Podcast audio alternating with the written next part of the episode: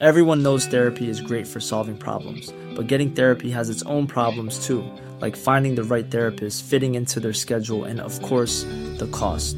Well, BetterHelp can solve those problems. It's totally online and built around your schedule. It's surprisingly affordable too. Connect with a credentialed therapist by phone, video, or online chat, all from the comfort of your home. Visit betterhelp.com to learn more and save 10% on your first month.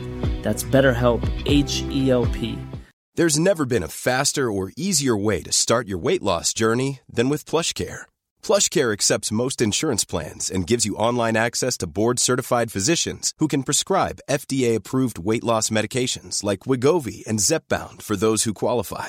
Take charge of your health and speak with a board-certified physician about a weight loss plan that's right for you. Get started today at plushcare.com slash weight loss. That's plushcare.com slash weight loss. plushcare.com slash weight loss.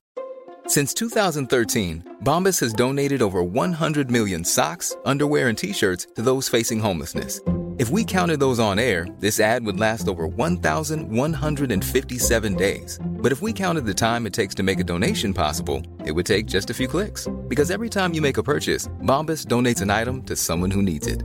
Go to bombas.com slash ACAST and use code ACAST for 20% off your first purchase. That's bombas.com slash ACAST, code ACAST. Men den här har inte du läst. Nej. Eh, Okej, då, då kontrar jag. Jag har denna. Hylands album. Förord av Lars-Gunnar Björklund. Signe, signerad. Jag har Leva med Lennart Hyland. Tuss Hyland berättar för Ulf Nilsson. Världsreportern. Väds, vädsreporter. Osignerad. Ja, den är tung. Den är tung. God middag, god middag. Som ni ser så snöar det en smula över nejden. Det plockar fram ett vanligt måttband. Idrotten i Sverige har två organisationer. Den ena är konkret. Ja, både Lena och Anette tyckte jag gick väldigt bra för. Det är kul att vara igång igen förresten. Riksidrottsförbundet med kansli, chefer och handlingsplaner. Vi är ju liksom inte nöjda med det här för vi känner att vi kan gå på alla. Eller, eller jag ska vara bäst. Vi kan gå på alla. Den andra är osynlig. Ett finmaskigt nätverk av människor runt hela landet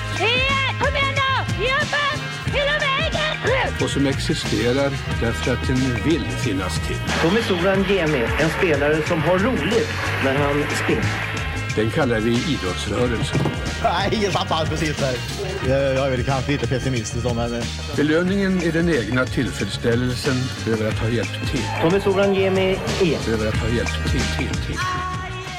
Nu, vi måste gå närmare. Nu ska vi dit. Här har vi ju stått så många gånger förut och nu återigen. Vi blickar ut över då den park som är inkilad mellan Radiohuset och TV-huset. Radioparken.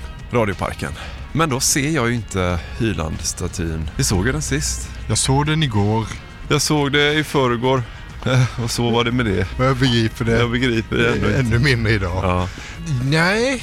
Nej. Nej. Där borta va? Rakt fram där bredvid den gröna skylten där. Ja, där är en den. byst. Där är den bysten ja. Mm. Av Hyland. Som ju först stod detta i gamla skåpmat för listan. Men den stod ju då alltså här ute innan vid vägen närmare. Men då sägs det då att folk spottade på den. Vi tänkte att vi skulle sitta vid den och spela in. Det går ju inte nu för det är avspärrat. Alltså vi, du menar att man inte kommer in här? Nej, du måste ha tillstånd. Ja, måste ha tillstånd. Eller någon som släpper in dig. Och nu när inte Dagge jobbar kvar på Radiosporten så är det ju kört. En era för centrum bakåt går lite i graven med att Dagge slutar på Radiosporten. ja, hur som helst. Vi har ju sett den innan och vi vet vad den handlar om. Så vi ska försöka leta oss mot ett litet lä. Och då blir det mellan Radiohuset och Bäverhallen tror jag idag. Istället. Det ska finnas ett fint lövverk här som kan här. hjälpa oss med ljudet tror jag. Den, den där stubben där, tror du inte den är något för oss? Jo. Lägger vi ut vår lilla filt. La, la, la, la.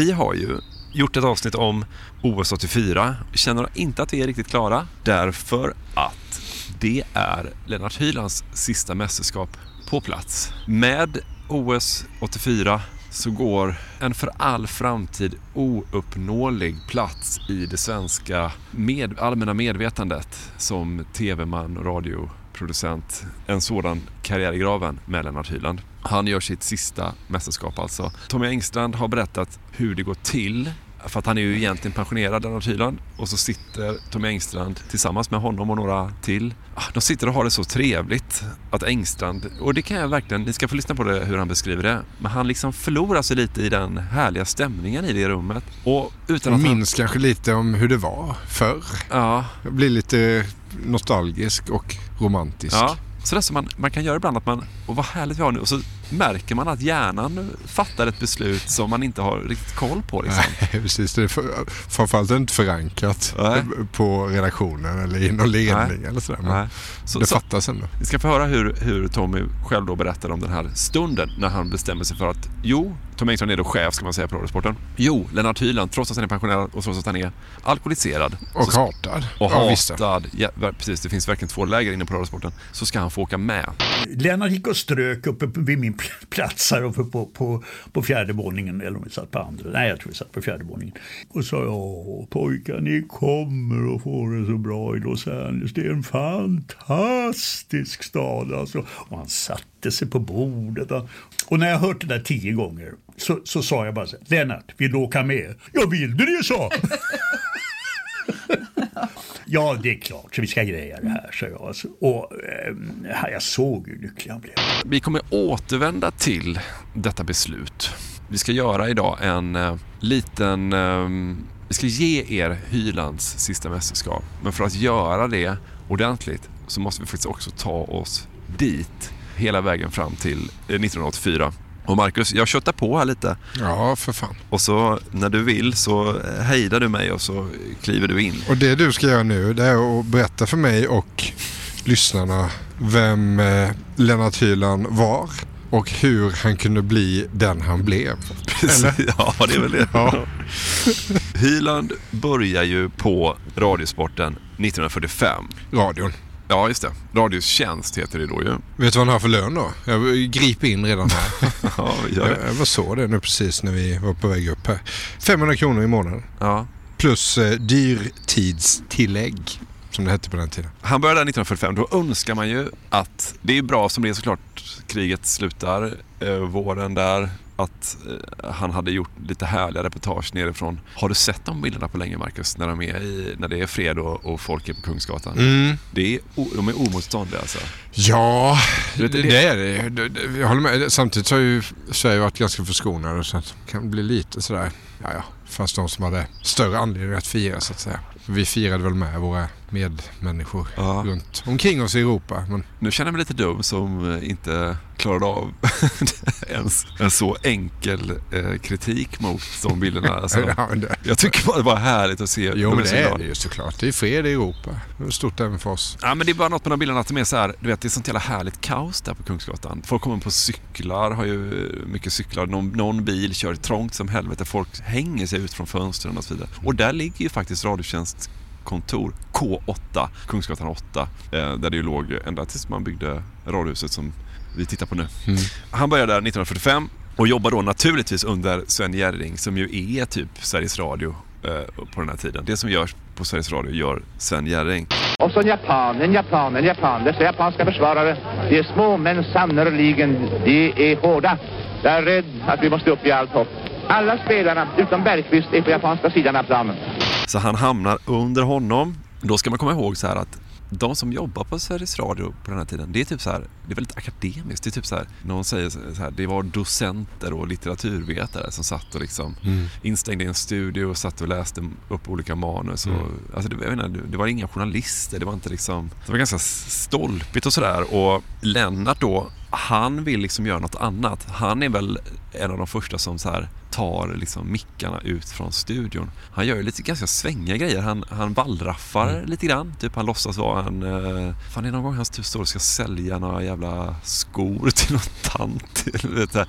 Han, han leker att han är bandman. Han leker att han är svetsare. Typ han gör lite så olika... Ja, servitör eller hovmästare på Ja. någon fin krog i Stockholm. Ja. Och skildrar hur, hur ett sånt arbete ser ut och Ja. känns och låter en kväll. Idag är jag brandman 512 eller något Mm. sånt där. Så. Och det är väl ändå liksom lite så här... eh, Ja men nytt, han, eh, ganska häftiga bilder med det. Det är liksom lite filmat när han typ sitter bak på en eh, lastbil med en enorm mikrofon. Och när han är brandman då, då kastar han ju sig ut från ett fönster ner i en sån, vad heter de Marcus? Eh, sån som man, heter jag trodde bara de fanns på tecknad film, men de, de, man använder ju sådana om det brinner i ett hus. Jag hittade snabbt här i min, mitt, Ja. eh, mitt lilla egna uppslagsverk med Ja. hundöron och postitlappar. Språngsegel. ja, språngsegel ja. Och runt om står en, två, tre, sex, nio, tio, elva, tolv karar och håller i det språngseglet ner i vilket jag ska hoppa. Allt nog, eh, brandmästaren står och väntar på mig. Att jag ska ge honom ett tecken att jag känner mig klar. Och så ska han väl säga hoppa. Och sen, ja, sen kan jag inte göra annat än hoppa. Får se vad det kan bli. Jag tar med mig mikrofonen för säkerhets skull. Hoppa? Ja, hopp. Jaha, här sitter jag nu. Mitt i språngseglet. Ja men sånt gör han och det är lite, det är lite nytt. Jerring eh, framstår ju som en ganska liksom, torr, vad ska man säga, ja, men torr akademiker. Liksom, duktig. Han har och- fan inte kastat sig ut i ett språngsegel. Nej. Skulle aldrig få för sig. inte ens om det brann. På Fan, man, riktigt. han såg ju också extremt gammal ut typ, redan 1945. Alltså man har inte sett någon bild på Jerring när han inte ser ut att vara 75. Det är jättekonstigt faktiskt. Hur som helst, han hamnar ju då under Jerring och får vi vara med honom och kommentera lite grann och sådär. Det är någon gång han, han nästan själv så här, eh, tar över showen lite grann. Eh, sitter egentligen med som bisittare till Jerring och ska väl liksom hjälpa honom med lite, men tar över där lite grann. Och säger väl själv att han, han försöker hitta, en rolig formulering så här, som han, han försöker hitta sin egen näsa, säger han. Eh, som jag tror är en Mumintrollen-citat eh, eh, citat då. Och han vill hitta sin egen röst. Och när han då eh, 1949 hemma, hockey-VM hemma, då eh, kommenterar han hockey och så som han kommenterar hockey här, så har ingen gjort innan. Bogdanov åker in i centrum, han passerar mittlinjen, han kommer snart in i svenska försvarszonen. Nej, det gör han inte. Det är Tuman är i vägen och Tuman spelar till Stig Karlsson. Stig Karlsson kommer i centrum, han bör spela ut på vänsterkant, han gör så också. Där är Epa Johansson, Epa Johansson lyfter den över en check men stoppas av den andra checken med en kroppstackling. Han har såna här, det är en språkvårdare som jag lyssnade på som jobbade på radio som har försökt analysera det här då. Han, han säger ja, vad är det han gör? Jo, han pratar fortare. Han säger fler ord per sekund. Och det är typ upp mot fem ord per sekund och sånt där. Han använder lokaliseringsfraser. Okej. Vilket betyder typ så här fem meter in på Ja, just det. planhalvan. Kortplanket kanske då. Ja, men så här, nere vid hörnflaggan. Alltså sånt gjorde, höll inte Jerring på med. Nej, just det. Någon lite elak röst menar att här, Jerring, han höll på med sitt berättande. Han var liksom, tänk er Bo Hansson. och det var 1945 eller 49. Alltså, det kunde bli mål. Och Jerring, eh, det var inte så viktigt för Jerring. Alltså, han höll på med sitt berättande. Men Hyland vill vara i matchen. Där bollen är, där det tempot är. De, de visar det här jävligt eh, pedagogiskt i en av de här dokumentärerna som jag såg, som gick på SVT för några år sedan. Så här, då visar de först eh, ett höjdhopp på stadion. Så här, ja, han, han springer fram och hoppar över så högt och går tillbaka till sin bänk och sånt där. Och sen så får man lyssna på hur Hyland gör det och hur han för in då en lyckas liksom höja det här med hjälp av radion, eh, vad ska man säga, kvalitet då, att han själv kan liksom förmedla då det som händer och skapa spänning då genom sin egen ja, men förmåga bara att liksom lyfta ögonblicket. Och så springer han emot ribban nu då och så går han upp i luften och klarar! Ribban dallrar, ribban dallrar fortfarande. Ribban dallrar, täcker ifrån funktionärerna. Ribban dallrar. Ännu har ingen rört den.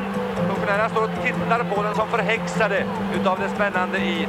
Nu klartecken, nu stannar svajningen i ribban allt mer och mer. Först nu är det klart, nytt svenskt rekord. Det är ju det moderna sportreferatet som eh, han på något vis eh, förlöser här ur sig själv. Ja. Skulle man kunna säga. För sådär, ja det är klart att det har förändrats ja. eh, på sätt och vis. Men den förändringen, den stora förändringen görs så här av Lennart Hyland. Ja. När man går från det här torra, tråkiga ja. eh, Sven Jerring i disslandet till närvaro, spänning, dramatik och lokaliseringsfraserna. Eh, ja, men Lars-Gunnar Björklund då, jäv kanske, han var ju en av Hylands pojkar. Han hävdar ju att så här, under de här åren, skarven 50-60, då var ingen i världen bättre än Lennart Hyland på att kommentera. Sen om det går att avgöra det, jag vet inte hur bra koll Lars-Gunnar hade på typ hur man kommenterade Vi köper ju det. ja, vi köper, vi orkar inte mer. Nej, men, och sen är det ju, det är ju liksom spektakulärt Också för att det då är så snabbt och det är då de säger också så här att ja, eh, hockeyspelarna hade svårt att hänga med i Hylands tempo då för att han pratar så oerhört fort liksom. Och kunde då på något sätt förmedla då den intensitet och kanske faktiskt kan man föreställa sig nästan kanske en, alltså göra hockeyn än mer spännande än det faktiskt var. Mm. Alltså jag, jag kan ändå tänka mig att en hockeymatch 49 kan ha varit lite så här, jag menar klubborna, pucken, det var kanske inte... En käpparkrig eller? Ja men det, käpparkrig. Det kanske inte var så jävla högt tempo och spännande men han kunde ändå då, radio kanske var bättre på så vis än TV. Men det tycker jag den är fortfarande faktiskt. Jag tycker att det är magin med radio att någon berättar och försöker förklara hur det ser ut och vad som händer. Men så är det upp till dig själv att med, din, med hjälp av din fantasi konstruera de bilderna. Det är väl Rolle Stolt som åker fram till en sargkant och hänger sig lite sådär Rolle Stolt sikt. Okay. Och säger till Hyland att nu får du lugna ner dig för att vi hinner inte med här riktigt. Så är det kanske. Oerhört mysigt ändå. Ja, ja. Alltså, eh, ja, väldigt, väldigt mysigt. Det blir väl något form av genombrott där 49 då, att han liksom, bara helvete. Och sporten är ju, och det, det är ju faktiskt historien om radiosport, eller förlåt, historien om Sveriges Radio är ju faktiskt ganska, alltså den kretsar del kring sporten liksom som växer fram samtidigt och så vidare. 1951, vi gör som sagt några nedslag, då börjar han med det som heter Karusellen som är ett eh, program som går live lördagar i det som nu är Maximteatern. Nu går det någon maskin där, orkar vi med den? Ah, det var jobbigt. Någon som ska klippa... Ja, men jag tror det funkar. 1951, då gör han då det här Karusellen. Livepublik, eh, lördagar det som nu är Maximteatern. Egen orkester. Detta radioprogram görs alltså innan tvn har kommit. Så det är alltså extremt höga lyssnarsiffror. Det är i Karusellen som Snoddas sjunger Flottarkärlek. Mm. Här kommer en röst ifrån Röste som tillhör Gösta Snoddas Nordgren. Välkommen Snoddas. Ja, varsågod. Mm. Jag var ung en gång för länge sen en flottare med färg. Alla jäntor var som vax ut i min famn. I alla torp, i alla byar hade jag en liten vän. Ifrån Norderås till skiljet ner vid berg. Jag ska drömma, jag ska älska, jag ska sjunga om jag vill. Medan månen över moarna går vall ball Och här, när han gör karusellen, det är, det är nu han blir Hyland med svenska folket. Liksom. Det är extremt, extremt populärt. Verkligen. Mm. Tuss skriver i sin bok, alltså Tuss är då Hylands fru. Hon skriver i sin bok att så här, från och med nu var det omöjligt att citat leva ett borgerligt liv. De kunde inte, alltså hyl, nu, nu börjar Hyland-epoken liksom. Mm. Nu kan vi, vi kan inte röra oss ute på samma sätt. Trots att det är radio då? Trots att det är radio mm. så är det, det är så många som tittar liksom, lyssnar, förlåt. Det är vi dåliga på. Läsar är det ibland, tittar är det ibland, nästan aldrig lyssnar. Han jobbar också extremt hårt de sitter ju och planerar. Han är ju en oerhörd perfektionist. Så han gör de här programmen, sen så sitter de hela veckorna och planerar det och, och, och kommer på idéer. Tuss menar att hon har, han har, i och med att han också gör all sport på radion, så är det som att han har två och ett halvt heltidsjobb. De rundar av kvällarna på Anglais och kommandor efter de här långa sändningarna och då är det liksom öl och snaps och à la carte liksom. Eh, om de inte rundar av på någon av krogarna och jobbar in på småtimmarna för att planera nästa veckas program så åker han hem till Tuss och då äter han och dricker och då är det oftast pyttipanna. Mm. En öl och en snaps då. Och detta behöver han helt enkelt för att varva ner. Ett annat sätt att varva ner då det är att han kör en metabåt i sitt barkar. Han ligger och tar långa bad på kvällarna. Så har han så här meta och det är som, som en liten ångbåt som han ligger och leker med som ett barn liksom, Okej. i, i badkaret.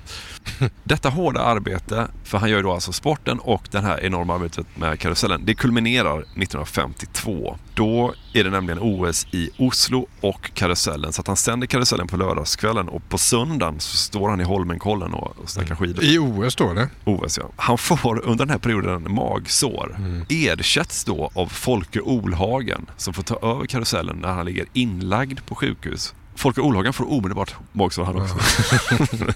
och då gör han ju inte skidorna i Holmenkollen liksom. Folke ersätts då av Åke Falk som också får magsår. Alltså alla får magsår. Jag tror att det är någon som bryter foten också. Alltså det är sånt jävla tempo. När han får veta att han har det här magsåret han ska läggas in på, jag tror att det är Danderyds. Då kör han ju också en hel kväll innan. Alltså en rejäl fest liksom. Det är 1952 som sommar-OS går i Helsingfors. Och då gör han ju då det här, får man ju säga, klassiska referatet av Ingmar Johanssons final är det väl va? Där han brott, boxas så fegt. Ja, Hyland kallar honom för en ynklig figur. Här får han varning nummer två, Ingemar. Och då har han väl chansen då att få en tredje varning och bli diskad och förlora matchen på det sättet. Då har han ju sluppit att byta slag i alla fall. Jag måste säga att jag skäms som svensk över att behöva se det här spektaklet. Ingemar gör inte bara en slät figur, han gör faktiskt en ynklig figur. Så dåligt ska man inte bära sig åt om man har givit sig med i leken. Den saken är absolut klar. 1952 åker, jag tänker med så Marcus, för vi, det är liksom, vi måste ju ta oss in i, i alkoholismen på något sätt hos Hyland. Så jag tänker att det vi gör nu är att vi också passar in lite små alkoholinlägg här. 1952 så ska de åka på semester. Hyland är på Grand Hotel i Falun och är orolig för hon är hemma och packar. De ska åka iväg där eh, på sommaren. Han är orolig att hon ska få med allt. Han skriver då ett brev från Grand Hotel i Falun. Så här avslutas brevet. Kära lilla tuss. Spirituosa. Vi borde nog ha en flaska whisky, en halv liter Grönstedt, en liten flaska Cherry Brandy eller vad som kan passa madame, en halv liter Bords eller renat och en halv liter kryddat brännvin. Kanske Skåne. Och här tycker du att du, du, du anar någonting här? Här tror jag att man ändå brukar säga att han dricker för att koppla av då. Alltså han behöver det för att lugna ner sig, hektiska inspelningar och så vidare. Jag såg ett schema här eh, som han hade, det var två år tidigare, 1950. Det är, eh, han har ju att stå i så att säga. Ett arbetsschema? Ja. I januari gör han ett eh, önskereportage. Sen så några dagar senare så är det den här stora lördagsunderhållningen. Sen åker han på VM i skidor i Lake Placid. Bara resan dit tog en vecka kan jag tänka mig. Ja. Då är han där och rapporterar i tio dagar. Kommer hem därifrån och åker direkt på SM i skidor i Örnsköldsvik. Ja. Rapporterar där under en vecka. Sen är vi inne i februari, då är det februari-revyn. Den kan man ju tänka sig att det var inget man bara rev av sådär bara. Revy, det var ju revytider Ja, så att säga. Vi skulle göra en revy tror jag. Och sen är det den goda lyckan och det är eh, SM i terräng där framåt vårkanten och sådär. Och utöver, det här är de stora produktionerna. Eh, utöver det så hoppar jag in som hallåman och så gör han inslag i Dagens Eko. Ja. Och sen så har vi ändå inte nämnt det som stektes så att säga. Det är vad som finns i arkivet här. Ja, han jobbar ju alltså kopi- Jobbar nästan lika hårt som vi gör. Ja, nästan. 1958 rör vi oss till nu, Marcus. Gör han då något som heter Stora Famnen. Det är en stor tv-produktion som han gör ihop med Siw Malmkvist. Bland annat, det är ju där då de alltså sänder lottningen till VM 58. Stor succé. 58 är ju också då han kommenterar fotbolls-VM såklart. Han gör ju Kurre Hamrins mål mot Västtyskland. Mot den, vickar fram den till Hamrin och Hamrin står och väntar nu på att tyskarna ska anfalla honom. Går med bollen, de kommer så småningom först nu och då accelererar Hamrin, håller bollen fortfarande och tränger chefen på. Hamrin håller bollen i alla fall, lekande förbi två man, vickar sig till och nu han i mål! Ja! Oj, oj, oj, oj, oj, oj, oj. Dessa framgångar är också enorma. Nu är det ju TV då på allvar. Här börjar han också få ordentligt med erbjudanden. Och då har jag en, två, tre, fyra erbjudanden. Han har säkert fått massa fler som jag har valt ut här då. Han erbjuds av Jack Kotschack, vän till podden höll jag på att säga. Men just det, hans eh, son, Pelle Kotschack. Ja, och... Eh, Hans bror, Pelles bror, som jag tappat namnet på. Jan. Jan Kotschack. Jan Korczak. Fan. Alla har varit med i vår podd. Jack, Jan och Pelle. Och Jan har varit med också. När var, när var Jan med? 78, Argentina. Just det. Han som stod gömd bakom draperiet. Ja, just det. Med Åby. Ja. ja, men Jack Korczak har, har ju skapat den här eh, piratradiosändningen som ligger utanför Nynäshamn, Radio Nord. Jack Korczak erbjuder honom 100 000 kronor i, i årslön för att hoppa på då Radio Nord. Här sägs det att han funderar på saken, men tackar nej då. Man måste komma ihåg det med så här, han hade ju liksom aldrig jättebra betalt tydligen. Hans chefer känner alltid bättre än honom. Alltså, han, var, han var ju inte ens bäst betald inne på Radiotjänst. Liksom. Det var inga dundersummor. Det var inte så att han... Jag kan, jag kan, här, jag kan gilla lite. Han, han hade ju så här, han hade råd med allt det nödvändiga. En fin våning i Stockholm. Sommarhuset i Tranås. En sån här otroligt läcker båt. Har du sett hans båt? Det är så här, låg trä, litet sånt vindskydd. Vad fan heter det där, där längst fram? Eh, kan ju inget om båtar, men man tänker sig liksom en sån här riktigt snygg liksom, som kan glida omkring i Frankrike kanske. På... James Bond kanske ja, tidiga precis. James Bond-filmer. Extremt läcker. Men det var ju också, det var ju inte lika dyrt förr i tiden. Nej, men, så, men så här, du vet, han tjänar liksom bra, men han är inte, det är inte så att... Han kanske borde bilda ett bolag där. Någon som har sagt till honom att Ja. bilda Jens- bolag. Jens- fakturera istället. Ja, Jens Fjällström hade ju så här, ungefär som han har gjort. Ja. Ja, Tommy Åström. Tommy Åström. 100 000 alltså, tackar nej. Han får, det här tycker jag är kul, alltså Bonniers folk, han ska bli PR-man då, det är mycket sånt då, för att han är så stor och så populär. Blir PR-man för Bonniers folkbibliotek, 70 000 kronor plus förtjänst av försäljningen. Tackar nej. PR-ansvarig för Volvo. Då läser jag, det här är brevet från Engelau då, alltså Volvos eh, VD. Jag tackar för ett brev av den 19 maj och får nu från Volvos sida bekräfta att vi anställer er för att handha bolagets public relations från och med den 1 oktober i år. Du hör att han utgår från att det här är redan klart innan så här, du vet, nu säger vi att det här bara är färdigt. så- Haskiga teknik nästan. Ja, något, något sånt. I er verksamhet kommer ni att sortera dir- direkt under direktionen. Eftersom det hittills inte funnits någon befattning som denna på Volvo vill jag föreslå att vi längre fram får diskutera hur arbetet ska läggas upp. Alltså de hittar på en tjänst, liksom. de vill bara ha honom. I lön kommer att bli 75 000 kronor per år och till befattningen hör även tjänstebil, så kallad A-bil. Beträffande bostadsfrågan kan Volvo erbjuda er en villa som bolaget äger och som just blivit ledig. Den måste repareras, vilket Volvo kommer att göra. Då innebär det här att han ska flytta ner till Göteborg och sådär. Så, så han tackar ju nej till det också. Sen försöker SAS att värva honom och att han ska bli PR-chef där också. Tackar nej. Och sen så skriver Tuss, och det här tyckte jag ändå är lite sensationellt. Hon skriver att han får ett erbjudande från USA också. De har också hit, förstått att han har någonting, Hyland. Så han skulle kunna bli en sån, ja, vad fan hette de? Carson, kan de heta något sånt på den tiden? Walter Cronkite, eller vad heter de? Ja, ja, det är tv-ankare tror jag. Ja, Ja. skitsamma. Men... Eh, Är det inte det han är, Hyland? Ja, det kanske, men han är mer late night Ja, du som kanske. Skitsamma, vi bottnar inte riktigt i det här kanske. Men då, men då grämer man sig över det. Eh, Tuss säger att hon, hon bara, jag, jag, vet att det fanns ett erbjudande men jag har inte hittat det. Det, fanns inga papper på det så det, jag har inte sett det men jag vet att det fanns. Och det var en sån grej som Hyland... Säger du det eller säger Tuss det? Tuss det. Tuss jag säger det till dig. lite till mig. Ja.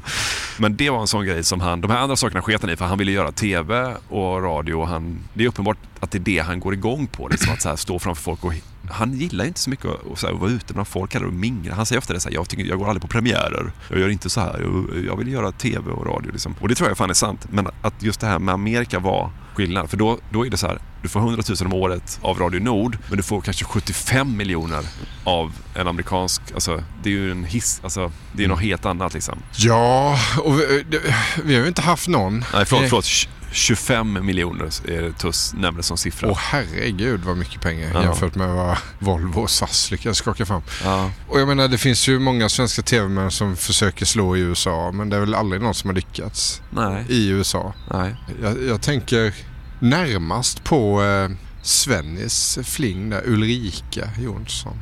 Just det.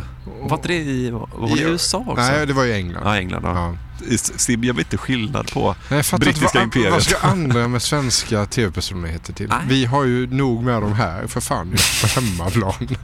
Vi står ju knappt ut med dem här. Ja.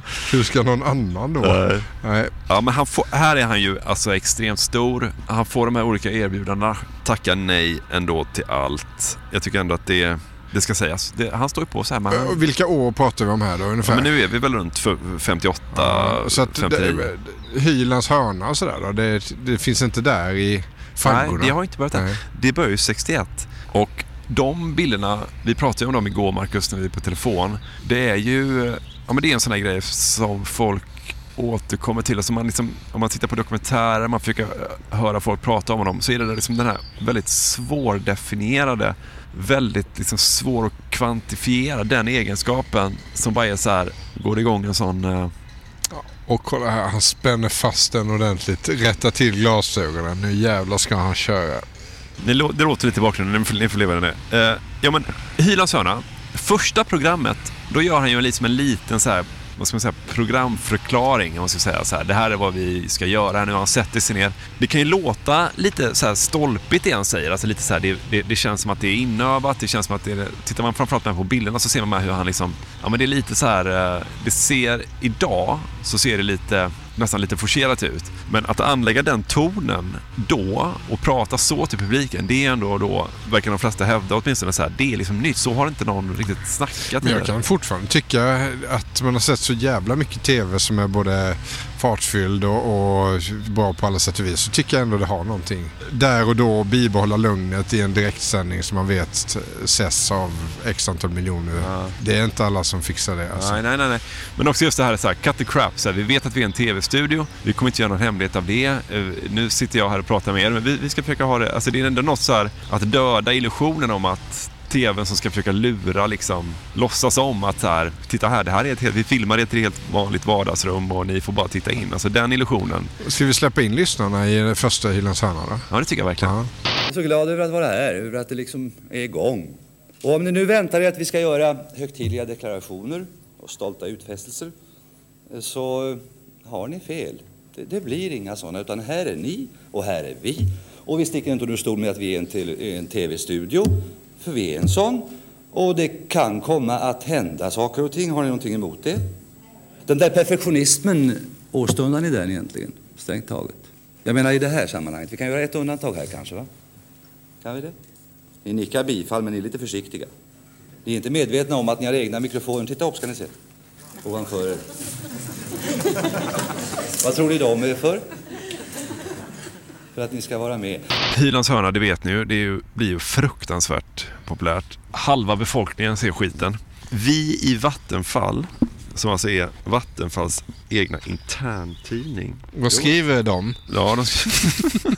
Kraftbolaget interntidning skriver då 1962, efter tv-premiären. Normalt börjar hörnan klockan 22 på onsdagskvällen, men redan timman, timmen innan är belastningen på Vattenfalls nät 3,1 procent högre än kringliggande dagar. Man tycker antagligen inte att det lönar mördan att stänga av för den tid som är kvar till hörnan börjar. Kanske passar man också på att koka kaffe till tv-termosen för att inte gå miste om något i programmet. Från klockan 22 till midnatt är belastningen 160 megawatt, är det det?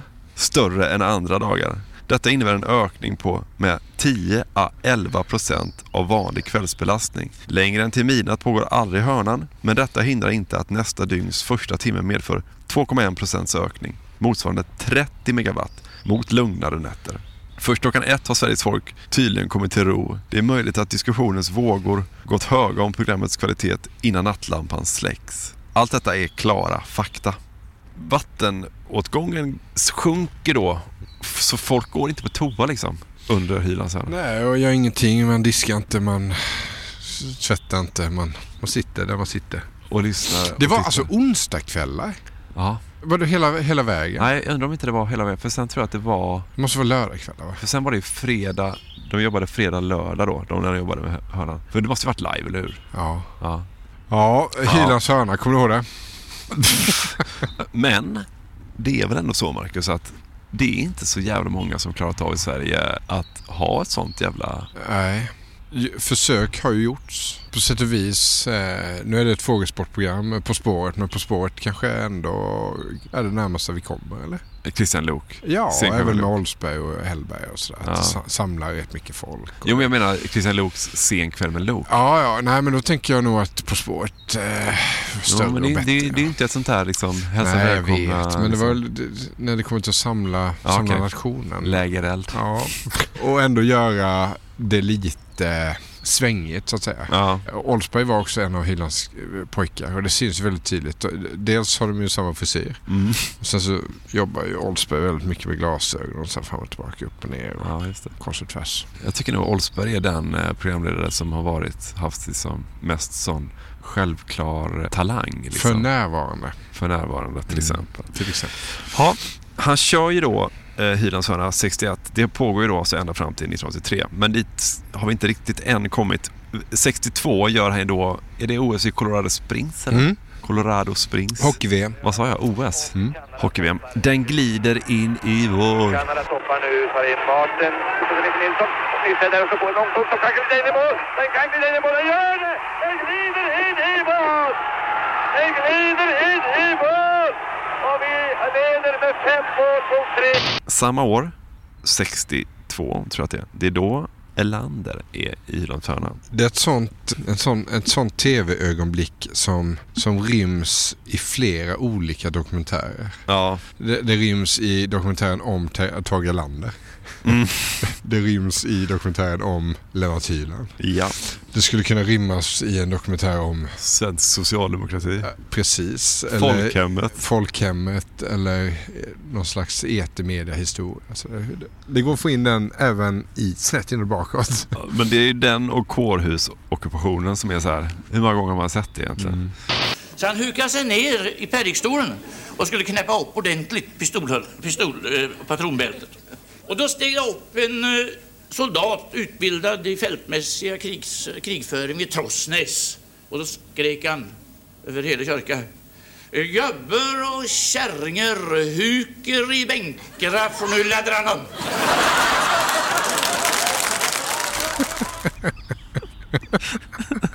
Jag ser det. Ja, det är ju kul liksom. Ja, han har ju Carl Gustav Lindstedt i en låda i det här avsnittet Just också. det. Så han flyger upp och gör massa konstiga saker. Utklädd till någon sån, vad heter det? Gycklare. Gycklare, ja precis. Så när Tage Erlander kommer in så flyger han upp och så skriker han så här Lennart, Lennart, låt dem inte sätta sig för då går han aldrig. Och så river vi ner oerhörda ja. Applåder och skratt och så här, skrattsalvor. Ja. Det, här, det här ledde ju till, alltså det var så stort genomslag på Hylands hörna så att kolla där går två rådjur. Så jävlar. De kanske ska gå in till radhuset och Dagge och Roger Burman. döper vi dem till.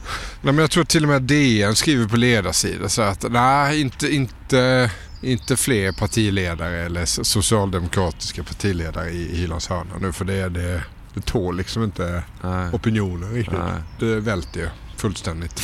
Riva av en så god Värmlands eh, historia också. Ja. Det är klart att det går hem. Aha. Jag tycker han är, Erlander var så härligt torr och god. Ja. Lite så här. Under arbetet med Hylands hörna, då jobbar de fredagar och lördagar. Fredagarna var han en jävel att arbeta med säger de. Mm.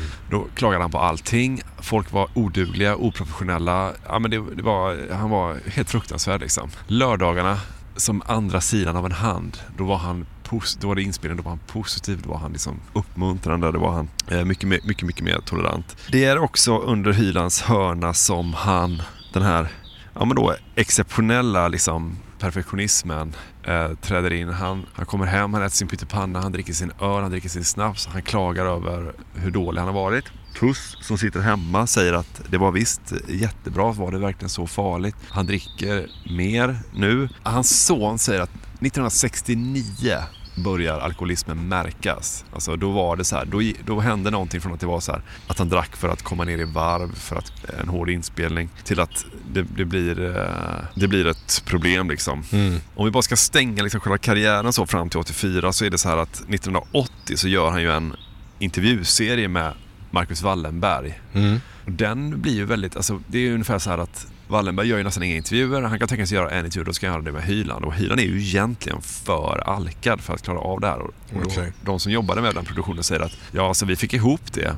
Men det krävde exceptionellt mycket i klippning och efterbearbetning. Han var liksom inte i stånd till detta riktigt. Detta är alltså 80. Han pensionerades ju strax efter detta eh, och är då pensionerad när det är dags för OS 84. Eh, Men nu är vi liksom, nu har vi tagit karriären dit fram och nu är vi väl i, i då alkoholismen. För det måste man komma ihåg att Tuss bok då, den är ändå så här två, drygt 200 sidor. jag skulle säga att nästan hälften av den handlar om alkoholismen. Det, den, den, var, den var mycket, mycket, mycket värre än vad jag trodde. Mm. Alkoholismen. Man visste att han drack och det har ju skojats om att Hyland drack mycket och man har sett några klipp där man känner så här, okej, han kanske han är full. Du hittade någon så här, han hade- gör Godmorgon Sverige som han började med 76 eller om det är 77 och han kommer in, han, han tycker om att komma in till musik så han får liksom lite ta in scenen så där och, och, och visa sig lite innan det drar igång. Det där verkar vara det som de ögonblicken som han tycker mest om nästan. Han går fram och lallar lite med dem som spelar livemusiken och sådär. Där är han ju, där är han ju full liksom.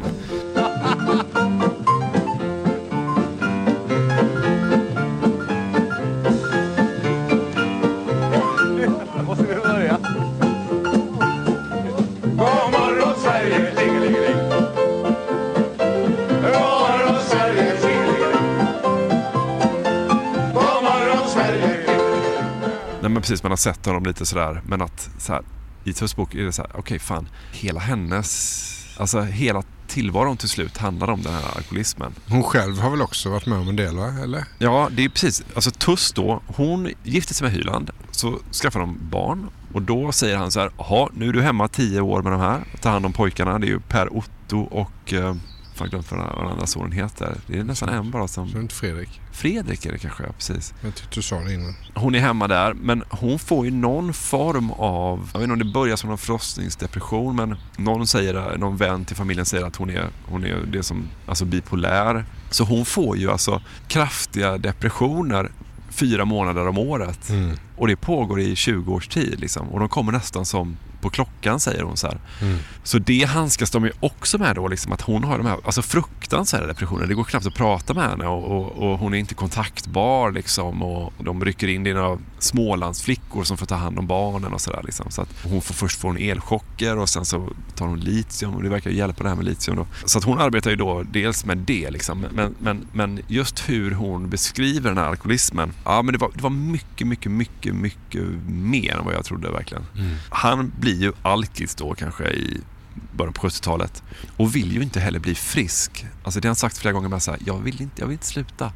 Jag vill inte leva utan alkohol. De skickar honom, jag tror att det är någon radiochef som skickar honom till någonting som heter Hazelden i Minnesota och så går det här tolvstegsprogrammet. Han, han, han hatar det alltså. Han, han skriver något brev till Tuss därifrån. Ja, det här är då lite Tuss som berättar vad han skriver om. Personalen avfärdades som pastorer och clowner som drog samma historier om och om igen. Miljön präglades av skvaller, angiveri, översitteri, utpressning, lögner, förmynderi, hot och att man citat gräver i all skit. Han noterar uppenbart ogillande att läkarna jämförde fylleri med cancer och diabetes och beskriver mötena som en enda lång tävlan i att hänga med och bli något inom gruppen eller hos personalen. Alltså han fullkomligt hatar det. Han vill inte sluta dricka. Han, han vet att han...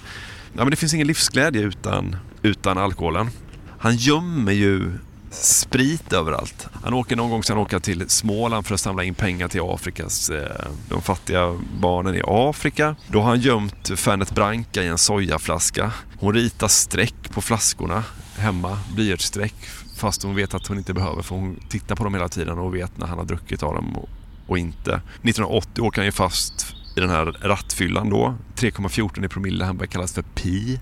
Eh, Han hävdar att det var en kärringjävel som kommit i vägen och tvingat ner honom i diket men så var det ju absolut inte utan han var ju, alltså du vet 3,14 är extremt högt. Jag tror inte jag, jag har, alltså jag tror inte att man, jag tror att det är svårt för de som inte är alkoholiserade att komma upp i så höga värden faktiskt. Efter den här eh, eh, rattfyllan får han ju Alltså hotbrev liksom. Nu har det också börjat vända på de vänster. Liksom att så här, fan. Innan var det så, vart de än kom, alla ville prata med dem, alla ville liksom få en bit av hylan. Liksom. Men nu är det så här, nu har det vänt. Så att i tv-huset så har de en person som bara sitter och läser alla breven och sållar ut då allt som är. Ja, för, för svenska folket, han är, de vill ju döda honom liksom. Så de sparar berömmet och så sorterar de bort all, all kritik liksom. Uh, han är då alltså det man kallar för periodare. Och det betyder att han dricker tre veckor och sen trappar han ner tre veckor. Och så kommer han ner till någon form av fungerande nivå. Och sen då när han inte dricker, eh, då har han ju abstinens. Och det beskriver Tuss som att det är nästan värre. Då, då, då kan det vara så här, nej fy fan, två dagars abstinens. Alltså det är lika tufft liksom. Och man kan, man kan typ inte sluta dricka om man har druckit så mycket som han har gjort så länge. Så att när han, när han trappar ner, då dricker han alltså 40 centiliter starksprit om dagen. Det är mer än en halv 70 liksom om dagen. Så här. Det är när han trappar ner. Så här. Alltså, kroppen är helt fördärvad av alkoholen. Liksom. Du vet, man har ju sett så här, alkoholism skildras i kanske ja, Tre Kronor märker jag att det finns någon sån... Ja, jag tänkte precis säga Svenska hjärtan. Men han dricker ju på det här sättet som är så här, nästan klyschigt för en alkoholist. Alltså, han gömmer ju grejer överallt. Så att hon går ju runt och letar sprit hemma alltid. Liksom. Så en dag kan du... Hem, så här, hemma fanns denna dag i mars, skriver hon i sin... Eh, två vodka i frysen, en vodka i min stickväska. Jo, det är hennes väska. En Grand... Du vet inte vad det här är? En Grand Marnier långt bak i skafferiet. Sherry i saftflaskan. Whisky i saftflaska. Cordon Bleu bakom franska böcker. Chivas Regal bakom grammofonskivor och Fernet Branca bakom grammofonen. Det är sprit överallt mm. i hemmet. Liksom. Och så då det här att han pilade ner eh, sprit i en sojaflaska när han skulle till. Alltså, han dricker hela tiden liksom. Och varje gång de ska åka någonstans så här, hur är det nu? Har han druckit? Hur gör vi med spriten nu? De ska på någon fest allihopa då i Lars-Gunnar Björklund där, Tom Engström, där, hela det gänget. Och det är så här, hur gör vi nu? Då får de gå runt och prata med alla bartenders på det, som serverar sprit. På så här, Ni får inte ge någonting till hylan. Mm. De sitter vid middagen, sitter och tittar på dem hela tiden. Han ska gå på toa sen. Nu går på toa. Och då vet de att han kommer försöka dricka på något sätt. Då följer hon med honom liksom. Allt kretsar runt det här då alltså. Allt liksom, mm. till slut. Det finns ingen utsida. Det är bara, alkoholismen är allt liksom. Usch. Fy fan. Ja, jag vet. Det är så jävla, det är så jävla hårt hur han, hur han dricker. När Palme dör, nu går vi förbi 84 men liksom vi är kvar i på något sätt alkoholen. När Palme dör, då dricker han sig så full så han ligger med ansiktet mot väggen bara och andas så här. 1984 då, nu är vi snart framme där, då Tussi, hon är ju förtvivlad hela tiden men nu skriver hon liksom i sin dagbok så här, nu har vi snart inga vänner kvar. Han ska till Enköping och göra, gör, någon, gör någon grej. Liksom. Du stod på scenen onykter. Enköpingspostens representant gick mitt i föreställningen. Folk och många barn var upprörda och besvikna. Jag kände mig helt knäckt. Du låg hela söndagen. Ingen mat. Ja, det var du som låg. Hennes dagbok är alltså formulerad som att allt är skrivet till Lennart. Alltså mm. du skriver hon hela tiden i sin, dag, alltså i sin dagbok. Du låg måndag, tisdag, onsdag, torsdag. Efter det tre dagars abstinens och så alkohol igen. Fredag, lördag, söndag, måndag. Prov på Karolinska sjukhuset struntades i. Nästa dag skulle det arbetas med journalistpriset. Det klarade du. Sen gick tre dagar på halvfart. Efter ytterligare tre dagar stoppade jag i mig sex sömntabletter vaknade och hon mår ju piss också liksom. Du drack hela alla helgonadagen. Du låg nästan hela tiden. Du åt ingenting. Du ringde mig. Finns det ingenting mer gömt någonstans hemma? Så svarar Tuss då. Jo, en flaska Cordon Bleu konjak bakom böckerna i bokhyllan. Så hon fattar ju med det, vet, att hon måste ge honom sprit ibland liksom, för att inte han ska gå av. Så det är just det här då, han ligger hela tiden. Vet, dricker han så ligger han bara hemma. Han ligger som ansiktet mot en vägg och bara... Ah. Och så dricker han, så dricker, dricker, dricker, dricker. dricker. Usch, fy helvete vad ja, destruktivt. Jag vet, det är så helvetes destruktivt. Och då börjar ju då liksom... Kul med sportpodd. Ja. Vi ska snart till OS 84. Ja, men då börjar ju folk, hon skriver som sagt här, nu har vi inga vänner kvar, inga, de orkar inte träffa dem. Liksom. Men de som är honom trogna, det är ju Tom Engstrand och Lars-Gunnar framförallt kanske. Och de överger ju inte honom, eller de hatar ju att han dricker också, men de, Tommy till exempel känner ju sån fruktansvärd liksom, tacksamhet, eller vad fan ska man säga, skuld då? Att, eller vad fan, någonting. Att... Någon slags tacksamhetsskuld kanske? Så kanske, ja. Och så, här, så han ringer Tommy hela tiden, pratar med honom hela nätterna och Tommys fru säger så här, varför pratar du med honom så mycket? För han ringde ju bara och berättade om hur dålig han tyckte han var på sitt jobb. Han bara, nej men jag måste, jag måste. Han har hjälpt mig med så mycket, jag, jag kan inte överge honom nu. Han har inte så jävla många andra. Och eh, Tommy då, vi kan ju lyssna lite på hur Tommy berättar om det i den här radiodokumentären som Rigmor Olsson har gjort, som vi lyssnade på innan. Och jag såg honom och då sa jag Lennart nu beställer jag en taxi här i en korridor. Och det var ju, jag vill inte se honom så. Alltså, jag, vill, jag vill inte se dig så här Lennart. Så, så, så, så passade det. Så jag tog honom under armen och så ringde och beställde en taxi. Va? Nej jag ska åka buss. sa Nej helvete du ska göra så jag. Du ska inte åka buss. Du, du ska åka taxi. Och jag, jag, jag vet inte om han åkte hem. Det tror jag inte. Och Lars-Gunnar gjorde ju verkliga insatser för att få honom att lägga av. Bland annat så skrev han ett brev till Lennart där han förklarar dels sin kärlek till honom och dels det att du som är så viljestark och, och brukar kunna knäcka allting, att inte du ska kunna knäcka det här. Men han, vill, han vill inte och det säger ju Tuss också, han vill inte. Han ville leva så här. Det här brevet då som Tommy nämner, det skriver Lars-Gunnar och det låter så här. Nu hoppas jag att du kommer till rätta med dina problem. Jag förstår fuller väl att det är så intensivt knutna till individen och det vill djävulen till för en utomstående om än en vän att hjälpa till. Vad jag däremot inte förstår är att du inte vill ta en chans och försöka den medicinska vägen. Låt vara att den skulle tvinga dig att skapa en annan filosofi om umgängesformerna och ditt eget vardagliga liv och naturligtvis ändra din karaktär, men ändå. Det förefaller ju vara enda chansen för att du ska kunna starta upp på nytt. Och så säger han att jag minns när du slutade röka, du klarade av det där. Du har ju klarat av allting du har gjort, eh, Lennart, i ditt liv. Varför skulle du inte klara av det här? Det här skriver jag, så här avslutar han då. Ja, han, han vädjar också så här, fan tänk på Tuss och pojkarna och sådär. Men så avslutar han så här. Det här skriver jag för att jag tycker om dig. På samma sätt, eller innerligare, än tusentals svenskar gör. Vi vill ha tillbaka den gamle Lennart. Tycker du att det är blaha, så får jag ta det. Jag håller tummarna och finns i bakgrunden. Alltid, om jag behövs. Kram från Lena och ungarna och Lars-Gunnar. Ge Tuss en extra kram. Tack. Ah. Så det är ju det här skicket han är liksom när han åker, alltså när, för att återvända då till den här scenen när Tommy sitter där och förlorar sig i den här härliga stämningen och tänker att vad fan, det, allting kan väl vara som det var förr liksom. Så bjuder han in honom, det är där Hyland är liksom. Los Angeles. Los Angeles. Titta hur han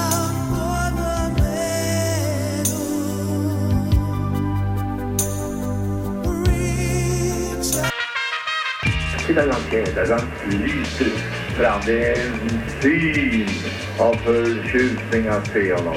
Hyland, Hyland, Hyland. Ja, idag är det ju ett avsnitt om Hyland och också ett Hyland-segment där vi lyfter fram våra Hyland-prenumeranter och tackar er för ert frikostiga stöd. Denna vecka gör vi helt enkelt så att vi blandar samman er Hyland-prenumeranter med gäster i Hylands hörna. Så att ni kan helt enkelt se det som att ni föräras med en plats i denna tv-gigants egna program. Stort tack för ert frikostiga stöd.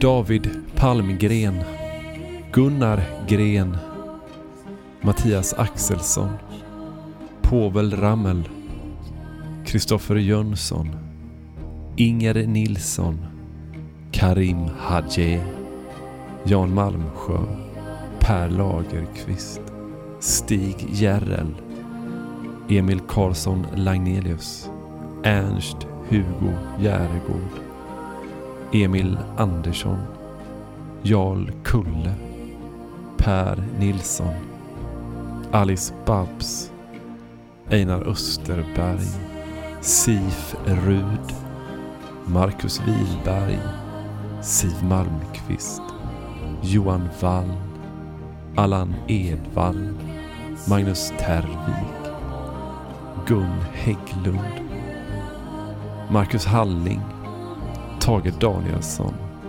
Mattias Sundling Cornelis Vreeswijk Martin Karlgren Sten-Åke Cederhök Sigurd Bjerke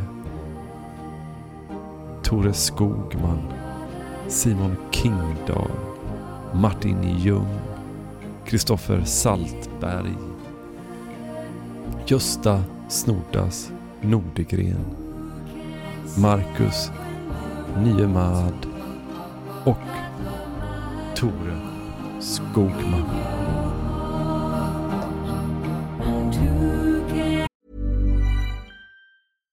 Deserves the best, and there's no better place to shop for Mother's Day than Whole Foods Market. They're your destination for unbeatable savings, from premium gifts to show-stopping flowers and irresistible desserts. Start by saving 33% with Prime on all body care and candles. Then get a 15-stem bunch of tulips for just $9.99 each with Prime. Round out Mom's menu with festive rosé, irresistible berry chantilly cake, and more special treats. Come celebrate Mother's Day at Whole Foods Market. Hey, I'm Ryan Reynolds. At Mint Mobile, we like to do the opposite of what Big Wireless does. They charge you a lot, we charge you a little. So naturally, when they announced they'd be raising their prices due to inflation, we decided to deflate our prices due to not hating you.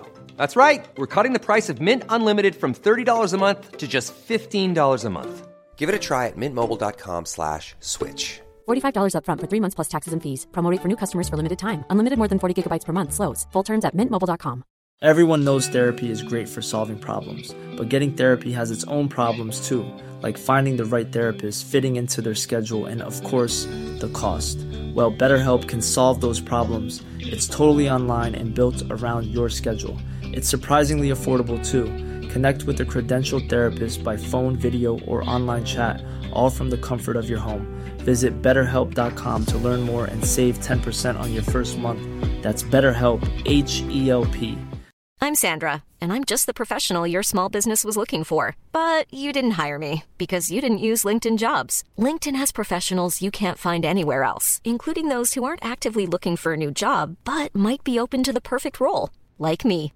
In a given month, over 70% of LinkedIn users don't visit other leading job sites. So if you're not looking on LinkedIn, you'll miss out on great candidates like Sandra. Start hiring professionals like a professional. Post your free job on linkedin.com/people today. Burrow's furniture is built for the way you live.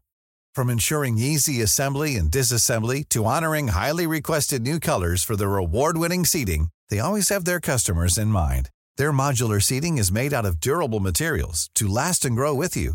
And with Burrow, you always get fast, free shipping. Get up to 60% off during Burrow's Memorial Day sale at burrow.com slash ACAST. That's burrow.com slash ACAST. burrow.com slash ACAST.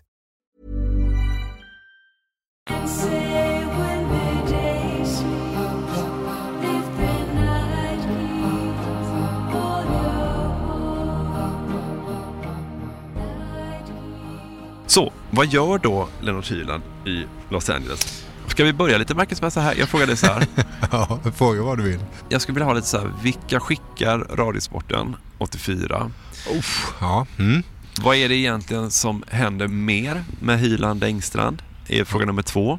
Fråga nummer tre, vilka skickar TV-sporten? Ja. ja, det är väl egentligen de tre frågorna som du kan ta, i, ta tag i nu då. Jag ska försöka svara så gott jag kan på samtliga frågor. Ja. Jag ska börja i en annan ände. Mm. 1984 och OS i Los Angeles är ju också efterkrigstiden så att säga. Om vi kommer till eh, fallet Hyland Strömmer. Efterkrigstid. Du menar kriget här då är? Det är före. När man pratar om Hylands grabbar så pratar man ju oftast om Fredrik Belfrage. Nej, han pratar man faktiskt minst av. Om man pratar om Hylands pratar man minst Nej, men han är en av dem. Han är en av dem. Lars-Gunnar ja. Björklund. Ja. Ingvar Oldsberg och Tom Engstrand. Ja. Men kanske också ska Åke Ström in där. Det hävdar ju Tom i alla fall. Då är det så. Mm. Han börjar ju på eh, radion 1969. Jag läste en bok, jag tyckte att det, det, det var lite, lite fantastiskt här alltså. Då berättar Åke Strömmer så här. Mm. Lennart sa att jag skulle ta en bandspelare med mig i bilen och sen åka genom en djup granskog och referera allt jag såg.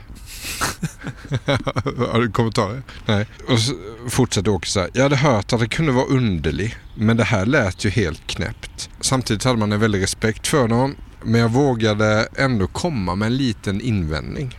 Det vet man ju hur en granskog ser ut, sa jag, säger Åke.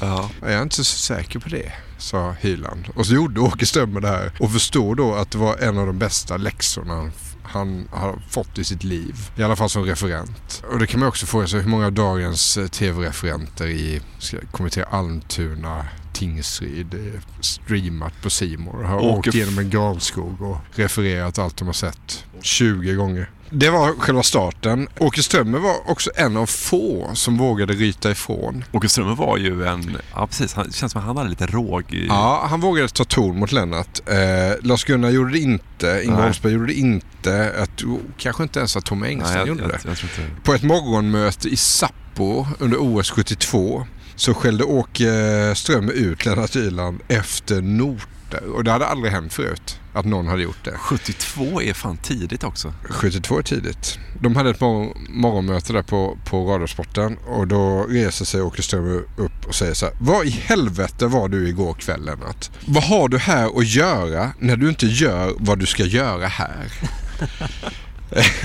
Då hade Lennart Hyland lovat att gå på en presskonferens men gick istället på krogen med en tekniker, alkoholen. På presskonferensen, som de skulle ha bevakat, serverades en riktig braknyhet. Nämligen att den alpine stjärnan Karl Schranz hade diskats för att han hade tagit emot pengar av sin skidtillverkare. Jättestor nyhet i alla medier men Radiosporten hade då ingenting. Lennart Hyland blir på mötet rödare och rödare i ansiktet och vrålar nu. Nu sätter du dig ner och tar det lugnt Åke. Och då skrek Åke, det tänker jag inte alls göra. Och så fortsatte det. Så att Åke Strömmer och Lennart Hyland hade ju en historia då från 69 fram till 84. Och vi har ju ibland kanske sagt eller fått höra att beslutet Tom Engström tog att ta med sig Lennart Hyland splittrade redaktionen i två läger. Och att Åke Strömmer var en av dem som där och då fick nog och sa att jag åker inte. Jag skiter i det här. Därför fick Jakob Hård kommentera friidrotten till exempel med Tom Engström när Åke Strömmer var den givne rösten där är kanske en sanning med modifikation. För när jag gick in i, äh, i radioarkivet och, och te- tidningsarkivet och rotade runt i det här fallet Strömmer-Hyland så, så ramlade jag över en annan sensationell uppgift faktiskt. Ja, Okej, jag vet inte vart vi är på väg nu riktigt. Spännande också. Ja, så här var det. I februari 84 så är det ett OS i Sarajevo. Samtidigt så har eh, Riksradions ledning gjort en utredning om hur de ska göra med de här olika distrikten ute i landet. Till exempel Falu-distriktet Ja. där Åke Ström är anställd och jobbar. Under tiden OS pågår så har de kommit fram till att ja, de här distrikten ska läggas ner. Och i Sarajevo i en skidkommentators hytt sitter ju Åke Ström och får det här beskedet. Säger då upp sig i direktsänd radio. Han blir ju skogstokig. Och då undrar jag, skulle ni vilja höra när en riktigt vresig Åke Strömmer säger upp sig i direktsänd radio? Det här är resultatet av en hård prestige och maktkamp mellan två verkställande direktörer, den i LRAB och den i Riksradion. Och nu har alltså Riksradions eh, verkställande direktör, som jag ser det, gett eh, lokalradions eh, motsvarighet ett strålande vapen i den kampen genom att göra en fullkomligt idiotisk slutledning om hur programkvalitet i svensk radio ska höjas. Du låter ju lindrigt sagt irriterad. Du har till och med sagt upp dig. Ja, jag har meddelat personaldirektören Åke Levin på Riksradion idag att jag vill säga upp mig från, från Riksradion. Eh, finns det något jobb åt mig i koncernen så kan jag väl diskutera det, men jag, jag, jag ser inte, även om den här utredningen gudskelov kommer att bli tagen med det skratt som den förtjänar, så, så kommer jag, tycker jag inte att jag, jag kan själv vara kvar i ett företag som har en sån ledning. Och dessutom så tycker jag nog att jag bör ta konsekvenserna av vad jag bland annat säger i ditt program här nu, för det får vi inte göra överhuvudtaget. Vi får inte yttra oss offentligt om någonting, hur tokigt man än tycker det är. Kanalen i P1 eh, i februari 84 säger Åke Strömmer upp sig från Radiosporten där han har jobbat sedan 69 där han fick tipset att åka ut i en granskog och referera det han såg av Lennart Hyland. Skönt eh, jävla drag. Ja, då skiter jag i det. Ja, skit vi i det. Principfast. Åke Strömmer landar ju sen på TV-sporten och vi kommer komma till det. Vi, vi har till och med varit där redan va? Ja. i förra avsnittet. Han sitter ju där bredvid Ann-Britt Ryd Pettersson och... Exakt, men våren 84, för att det, det, han säger upp sig, han slutar. På våren 2004 så, så börjar han istället sitt nya... Vänta nu, vänta nu. 2004? Nej, våren 1984 Ja. så börjar han istället sitt nya jobb som intendent för Folkets hus i Borlänge. Nybyggt Folkets hus. Och han går runt som någon sån, som Uno i rederiet. Kostat 70 miljoner, 100 anställda. Där kliver Åke Strömmer in våren 84 trots att det då väntar ett Los Angeles OS på sommaren. Vill ni ha en liten faktaruta på Åke Strömmer? Maj 84. Ja. Ålder 48 år. Inkomst 225 000 kronor om året. Bor i en femrumslägenhet i Borlänge. Civilstånd. Gift med Lena Ingels. Röker. Nej. Dricker. Jo tack, men inte starksprit. Okej. Kör en Nissan Cherry. Den har jag vet inte hur den ser ut. Senast lästa bok Tiden är ingen av Hasse Alfredson. Senast sedda film Star 80. Du, vet du hur en Nissan Cherry ser ut eller? Ja, det ser ut som Strömmer. ja, det gör den faktiskt. Kolla. Vad fan är det för jävla grej att... Man brukar säga så att folk köper hundar så som ser ut som jag själva. Jag visste att det också gällde bilarna. Nej, för helvete. Okej, fan men strong. Men ska, då, då tänker vi så här då. Då har vi slagit ihjäl myten att Åke Strömmer drog därför att Hyland fick åka. För så har ju historieskrivningen varit fram tills idag egentligen. Ja, fram tills nu. Att så här, om du släpper med Hyland, då åker inte jag, säger Strömmer till Engstrand. Myt. Men vi måste ändå återvända till den här scenen. Alltså Engstrand då, han förlorar sig i den goda stämningen eh, med Hyland, bjuder med honom. Tommy tror ju då att det här kommer säkert landa bra. Alltså, men eh, han har liksom helt då som chef på Radiosporten missbedömt liksom opinionen. Så att folk blir så jävla lacka. Så här, Aj fan, eh, vad, vad fan har du gjort? Och han tänker väl så här, "Ja, ja men eh, är det, är det hela världen då? Men då ringer eh, Lars-Gunnar Björklund och säger så här, vad har du gjort Tommy? När Lars-Gunnar ringde mig en kväll och sa så här, ska du ta med Lennart? Ja, du är inte klok, sa Lars-Gunnar. Du förstör dig själv, du förstör redaktionen, du förstör Lennart, du förstör hela ert arbete där borta. Förstår du inte det, sa hon. Ser du inte hur, illa Lennart mår? Alltså, va? Och då tänkte jag, när Lars-Gunnar säger så. Vi är ju gamla barndomspolare, han och jag. Om, om Lennart, som han uppskattar så högt och rent, var, som jag trodde han, han, jag trodde han skulle berömma mig för jag hade tagit med honom. Då började jag på tvivla. Jag gick och funderade på det några dagar och så tänkte jag, nej men eh, tunt nog så stod jag inte ut med det här. Va? Jag, skulle, jag skulle ha stått på mig. Men jag gick till Bengt Sundström, teknikerchefen som jag hade väldigt gott förhållande till. Och så sa jag, Bengt, imorgon bitti måste du vara med mig för jag tänker ringa till Lennart och be att han kommer upp så ska jag berätta att han inte får åka med. Men jag kan inte göra det ensam. Du måste, nej, ja, sa Bengt, det, det kan väl, oh, ska du verkligen göra det? sa han. Ja. Kommer du Bengt? sa. Ja, jag kommer, så. Och det var en vacker vårmorgon. Jag kommer aldrig att glömma den. Lennart kommer upp, eh, hade väl gått i Liljanskogen som han ofta gjorde, var och badade bastu och luktade rakvatten så att folk skingrade sig ner vid Stureplan. Kommer strålande här, kanelbullar pojkar och kaffe får ni klara själva. Ja. Jag hade inte kvart en minut på natten. Och så började vi med vanliga rundsnack och så säger jag så här efter en tio minuter. Lennart, det är en väldigt viktig sak. Jag måste få säga åt dig. Och han reagerar blixtsnabbt. Han reste sig upp och så har jag aldrig sett hans bruna ögon. Han, gick fram, han stirrade på mig, gick fram till mig och sa så här, gäller det alkoholen? Ja, Lennart, sa jag. Då sträckte han fram handen och så sa han så här, Tommy, sa han, jag lovar dig att jag ska från och med den här stunden och till dess att OS är slut inte dricka en droppe. Tar du min hand nu så är vi överens om det, tar du den inte så ses vi aldrig mer. Och vad skulle, ah, vad skulle jag göra? Vad ska jag göra? Alltså jag, Lennart, jag, jag litar på det, säger jag. Men gör mig inte besviken. Gör mig nu inte besviken, för nu har du en som litar på oss. Och han tryckte handen tror jag, på gå av alltså. Då åker Hyland raka spåret därifrån till Danderyd, opererar in en sån här antabus-kapsel eh, i ryggen typ gör man det. Så då har han den och antabus funkar väl så att man, det, alkohol smakar, man typ kräks om man dricker alkohol med en sån. Och, men då måste man ju också då ta en tablett, Tablett, typ. ja. om dagen typ, liksom varje gång. Men du, det här ögonblicket är ju helt Ja. oerhört välberättat. Ja, och Tom Engstrand saknar honom. ja, men det gör jag. Jo, jo, jo. Eh, jag brukar göra jämförelsen med när det är 8000 på Hovet och AIK eller Djurgården spelar hockey och en hemmaspelare trillar lite över en klubba så, och 8000 skriker.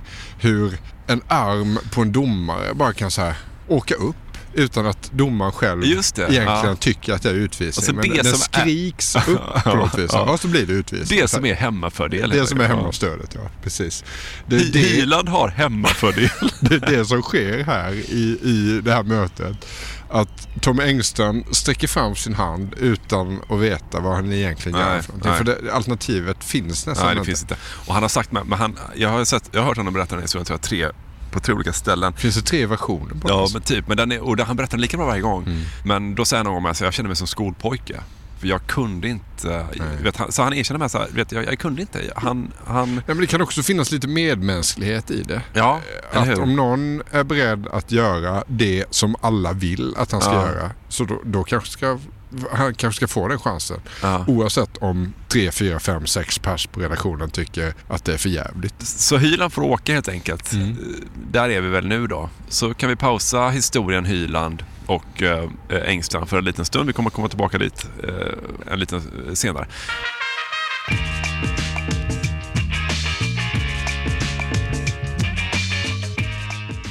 Eh, Då vill jag ha... så här, det är, Ja, nu vill du ha. Ja, men så här, det är liksom, du vet... Du krävde svar här, så var det ja. Ja, jag vill Mm. ha, nu vill jag ha Radiosportens startuppställning och jag Ja. vill ha TV-sportens startuppställning. Det, jag har dem framför mig. Vad vill du börja med? Ja, vi börjar med Radiosporten. Ja. Ja. Eh, Tänk om man kunde sätta hela den. Ja, det ska man ju kunna. Alla. Det är det, man drömmer om när man är med i en quiz. Sådär. Hur Ja. såg Radiosportens OS i Ja, Los det. Angeles Eh, OS Utslag, Angeles utslagnings, trupp ut? ja, utslagningsfråga, perfekt. Så det är eh, 30 namn liksom. Radiosporten skickar Staffan Lindeborg, Jakob Hård, Annika Milnaric, Grede Duncan. Fan som vi känner henne. Ja. Mm. Peter Eng, Lasse Kink, Tommy Engstrand, Leif Larsson, Ove Eriksson, Mats Strandberg. Bo Gensel och Per Josefsson sköter hemmaredaktionen tillsammans med den levande uppslagsboken Bengt Ahlbom. Lennart Hyland fortsätter sin ringlek och är på plats för att korsera. Han, han får ju typ en fri roll, eh, Hyland då. Han, ska, ja, han får åka runt och göra och vad han vill. vis. Liksom. På sätt och vis. Han, han har ju den här, f- något slags fågelsportprogram. Ja. Eh, som vi kommer återkomma Nu, till. nu när de har åkt de här gräsklippargänget. Nu kommer det en... Kommer liksom en helikopter. Det här är varför man inte... Det här är varför Jerring satt i en studio. Just det. Han hade en poäng. Ja, precis. och då du, du kan väl väga de här mot varandra då? Ja. Nu vet vi vilka som åker för Radiosportens Ja. räkning så att säga. Här är TVs trupp. TVs. TVs. Friidrott, Bo Hansson, Christer Ulfbåge. Simning, Kai Sundström, Lars-Erik Paulsson. Boxning, Bengt Grive. Brottning, Bengt Magnusson och Jan Kårström. Just det. Gymnastik, Plex förstås och Thomas Widlund. Ridsport, Ja. Anders Gernandt. Anders Molin gör tyngdlyftning. Agne Järlevik skytte och bågskytte. Janne Lorentzon fäktning, modern femkamp och volleyboll. Volleyboll, ja. Jan Svanlund rodd kanot och judo. Segling Bengt Frendelius. Cykel och lagsporter Ingvar Oldsberg. Uppföljningar Göran Zachrisson, Göran Blom och Erik Westring. Alltså här är ju, det är väl någon jävel här som drar sladd antar jag. Det är ju inte riktigt samma Fast jag skulle... noggrannhet när Nej. radiotruppen presenteras. Nej, okej, okej. Invigning och avslutning, Plex, eh, organisation Lennart Sveder och Georgios Karagiogio. Oh. Programsekreterare Marie von Platen. Ekonom Sture Karlbom. Ekonom. Riktigt svårt på, på quizet. Aktuellt och Rapport har också egna reportrar på plats. Så ser det ut. Ja, jag tänkte först så här att det här blir väl utskåpning för Radiosporten för att det är ju ändå en sån grej att fram till kanske egentligen typ 88 så är ju liksom Radiosporten eh, helt enkelt en tyngre reaktion. Men jag tycker de ändå är rätt starkt. För, och studion nämnde du inte, men där är ju Hegerfors och ja, i och för sig Sven Melander och Ann-Britt Ryd Pettersson och Åke Åke. Strömmer, just det. Kjell Andersson och Ulf Elving. Ja, och sen så på radion har vi också Robert Perskog och Björn Fagerlind Ja. som sänder eh, nattetid hemifrån Stockholm och sådär. Just det. Jag tycker det är eh, Två ja, jämnbördiga. 50-50-läge här Ja. faktiskt. Alltså. Svårt att tippa så. Ja, ska- vilken, om, om, vilken avslutningsfest hade du velat gå på? Eh, jättesvårt. Ja. Ja. Också 50 Men så vinner vi får man väl säga Radiosporten i och med att de sopar hem Stora journalistpriset. Så att det, det, det är väl objektivt så att de eh, tar hem detta. Ja, så är det. Får, får jag fråga bara av ren nyfikenhet, så här, vart kommer man över Radiosporten och TV-sportens startuppställningar till ett OS? Står de i någon tidning? Ja, Kungliga biblioteket, eh, gamla artiklar från 84. Alltså tidningarna, där någonstans. alltså kvällstidningarna skriver Ja. ut så här, de här. Här är TVs trupp Ja, och för det gör ju inte... Sportradions OS-trupp. Det gör man inte nu. Och sen lite bilder då och det är ofta någon som gör någon liten kul grej och sådär Ja. på den bilden.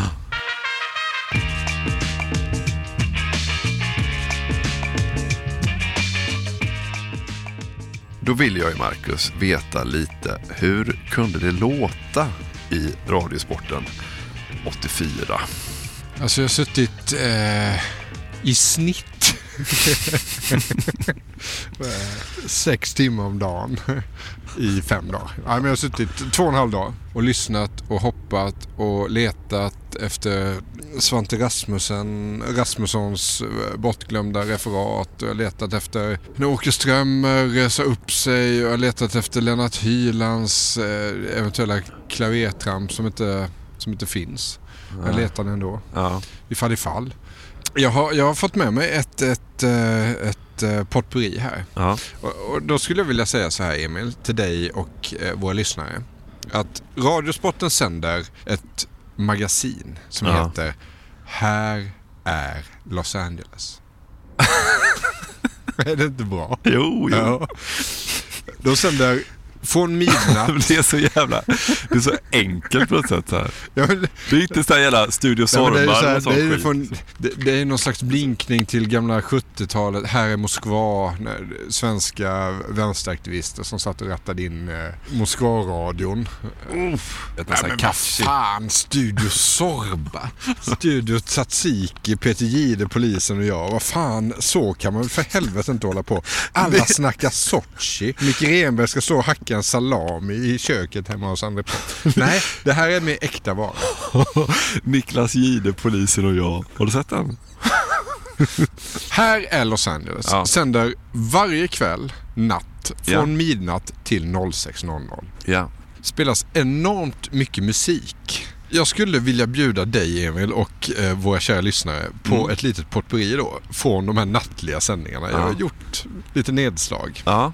För att det ska kännas som det kändes sommaren 84 så Ja. vill jag att ni föreställer er att ni har varit ute på stranden en hel sommarlovsdag. Men nu är vi i Sverige då? Alltså Ja, man är nu är vi hemma i i Sverige. ja. Nu är vi hemma i Sverige. Man är på stranden i Sverige, ja. Man har svalt enorma mängder alger och salt vatten.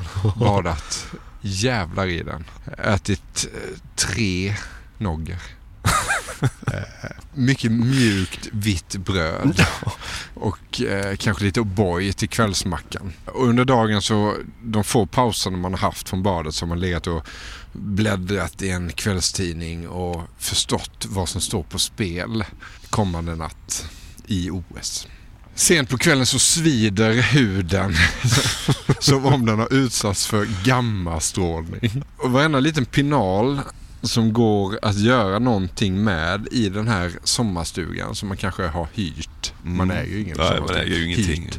Ligger kvar ute på gräsmattan. Ingen orkar plocka in någonting. Allt har släpats ut. Precis allt. Ja, just det. Så det Två- ligger pilar och eh, så här bockiaklot om vartannat. Allt ligger där ute oinplockat. Eh, bockiakloten har kanske sent på kvällen bäddat ner sig lite själva så här, i den sena sommardaggen i gräset. Så att de vill ju inte bli flyttade på. De vill ligga kvar där. Vad hette de här kardborrespelen? Du vet, man hade en sån liten... Ja, det hette nog ingenting. Var, om man kastade en kardborreboll så skulle man ta emot den med en sån... Ja. Ta bort den från, kasta tillbaka den. Vi kan bara kasta bollen till varandra. Så. Otroligt dumt. Köpt på en Pappa mack. kan kasta lite så här. Nej, jag orkar inte. Det blir liksom ingen ordning på det för du kastar för Slutar dåligt. med att han stod och kastade mellan två fönster på sommarstugan. som också har sån här panel som går lite Exakt, det snett. kunde kosta studsa snett som Stod man helvete. kastade till sig själv så. En hel eftermiddag. I solen. Oinsmord. Det är därför det kliar på ryggen. Mamma och pappa har eh, gått och lagt sig i ett litet loft eh, i sommarstugan som inte är större än en byrålåda. Det är fruktansvärt trångt i den här sommarstugan. Temperaturen framåt, ni, eh, framåt midnatt har krupit ner till ja, 47-48 grader kanske. Det är så varmt och kvalmigt i den här stugan att gästen som inhandlades tidigare under dagen dör. Myggbetten är stora som lekakulor. Men eh, vad fan spelar det för roll? För att du vet att i det här lilla frysfacket som man hade. Som var den enda frysen man hade. Där ligger en halv sån Vienetta-glass. Glasstårta som man har sparat. Som ska sätta tänderna i. Så Frostskadad sån kunde de vara också. Så man. Men den lilla frosten som ligger ovanpå Viennetta-glassen, det är bara ännu mer glass. Ja, men det kunde ju också vara... Ja, förlåt, jag ska inte liksom uppehålla för det, men om man hade otur så och det låg olika grejer i frysen, det kunde vara så... Jag vet att det har tagit smak lite så det smakar liksom lite, det smakade också lite fläskkotlett så vid detta glassen. Och, och vitlöksbaguette. Vid midnatt, efter att man har legat och läst eh, Kalle Anka-tidningar som man har läst varje sommar de senaste 8-10 åren. så kanske man tänder en sån här sänglampa som kan bli fruktansvärt varm. Alltså så varm så att den skulle kunna värma upp en suterrängvilla norr om Dalälven helt ensam sent på hösten. Och i sina Y-front-kalsonger så kryper man långsamt fram för att inte väcka någon till transistorradion och så sätter man på den försiktigt och så rattar man med varsam hand den här nålen bort från det här P1-häradet där åt höger på FM-bandet tills det bara sprakar till. Och där möts man av Bosse Gensel som berättar att du kommit till Här är Los Angeles. Där han tar emot med musik och den rätta lottoraden. Sportradion i Los Angeles, god kväll Sverige. Vi bjuder på OS-sändningar ända till klockan 06.00 i morgon bitti. På programmet ikväll, simförsök nu direkt. Friidrott klockan 18.30, roddfinal i Lake Casitas, handboll Sverige-Västtyskland klockan 21.30, skytte hela kvällen och natten. Och i natt också simfinaler, friidrott, Christer Korpi i boxning, tyngdlyftning och judo. Från OS-studion får ni nu också den rätta lottoraden. 1, 3, 14, 15, 23, 25 och 31. Tilläggsnummer 4 och 28. Men Sportradion är som alla säkert vet inte bara sport utan också musik. Mycket musik. En musikblandning som bara finns i Sportradion. Nästan aldrig i Melodiradion.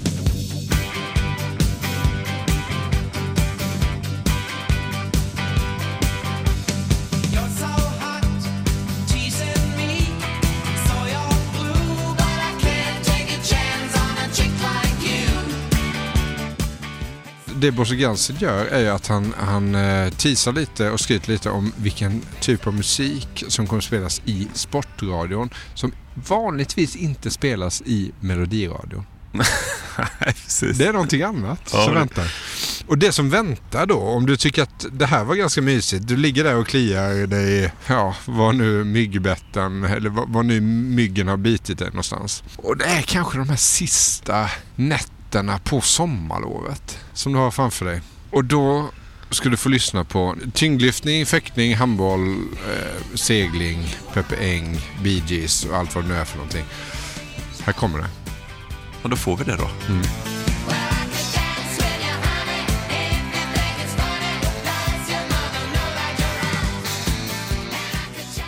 Här är Coliseum i Los Angeles. Det är första förmiddagspasset när det gäller friidrottstävlingarna är slut. Och vi har fått njuta av en alldeles kolossal uppvisning av Carl Lewis. Det var nog oerhört att få bevittna honom. Lennart Ljudin som har sett fantastiskt mycket friidrott. Det här måste bli rankat bland det största. I täten, solklar ledning. I sammandraget i den amerikanska båten McKee Backen. De ligger efter andra märket på femte plats och håller också totalledningen om det här står sig in i mål. Men det är mycket kvar att segra. Brasilianska båten är tvåa just nu i Flying Dutchman. Ibland går det faktiskt väldigt snabbt i sportens värld, exempelvis i tyngdlyftning. Vad gäller musiken så hörde vi alldeles nyss Eloise med Barry Ryan. Och nu lyssnar vi till Bruce Springsteen, Dancing in the Dark. I get up in the evening and I ain't got nothing to say. I come home in the morning. I go to bed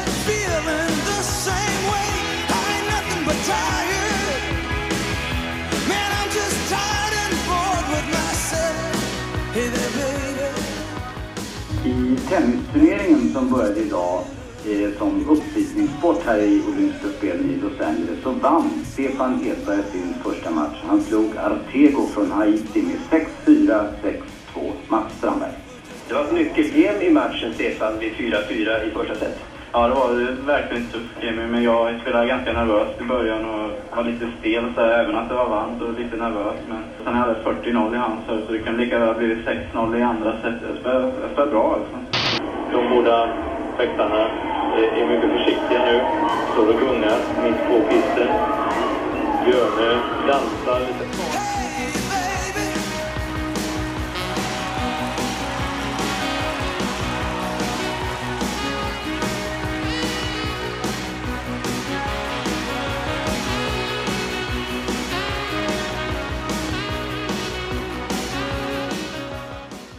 Hade du någon fa- favorit där Emil? Jag har ju en favorit. Jag är så ivrig att säga den. Så. Annika G. Duncan har varit på någon slags fälttävlan här. Hon har tidigare berättat om att ett hinder är en sån Hollywood-klappa. Där alla som tävlar har skrivit sina autografer på. Och när hon släpper över till Bonnie Tyler. Ja. Om man bara vill här, lägga sig och, jag vet inte, somna kanske. Eller klia sönder ett myggbett i vänster knäveck. I brist på annan aktivitet. Man, man, man, man nyper loss en fästing från insida lår. Så. Som sen då går över i friidrotten. med tå- D- Där, eh, ja, det händer något. Då har vi alltså avklarat det som är intressant för svenskt vidkommande. Det ska bli intressant att följa hästriden också så småningom. Men det dröjer en stund och nu ska vi i alla fall ta och lyssna på lite musik.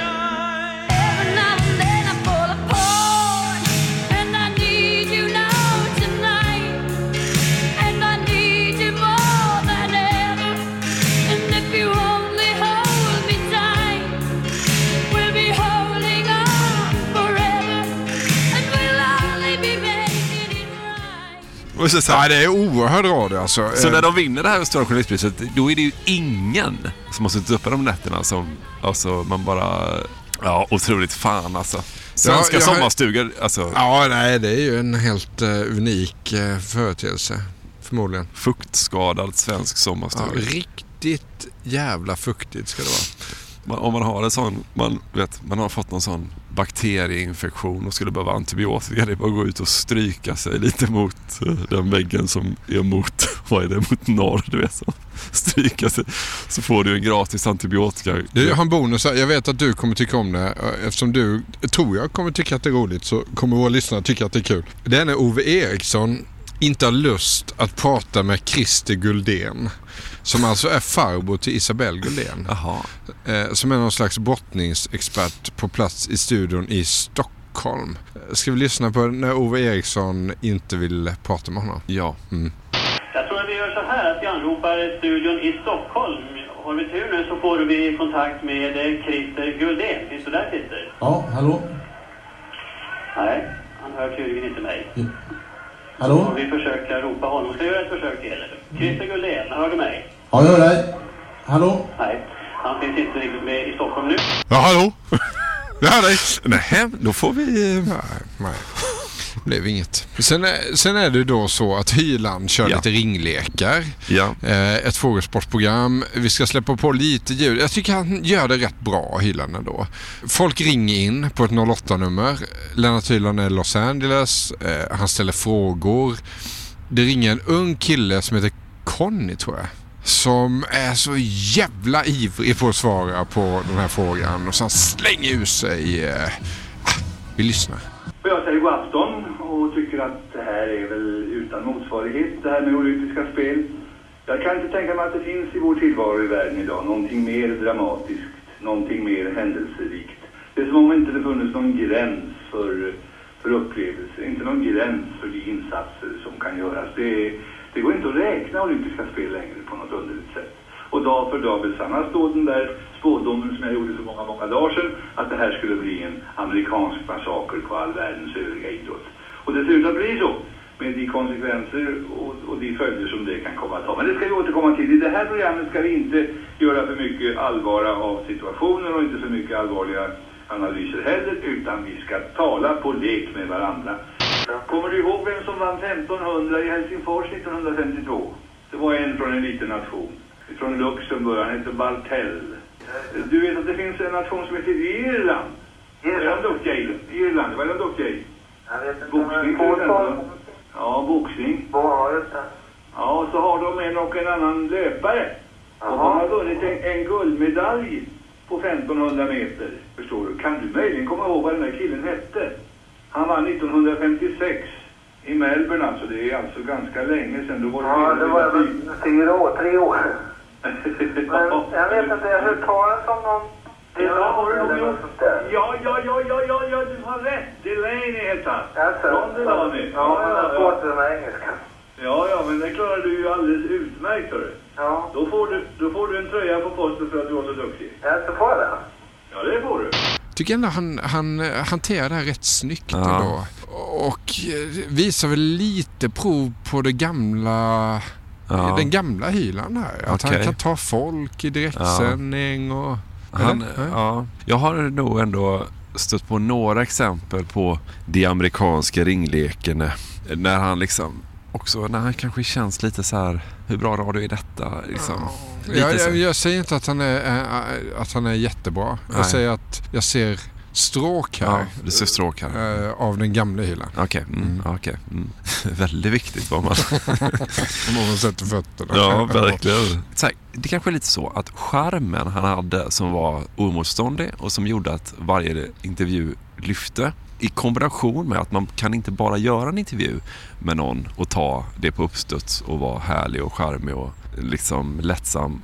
Ja, det är något med den kombinationen som gör att det ändå känns som att det är så här det är lite liksom... Ja men Geisten är borta, Gnistan är Geisten är borta. borta, ja. Eh, Det- jag tycker man, det det, finns spår av den gamla Hyland men han kämpar ju också, ska man ju veta.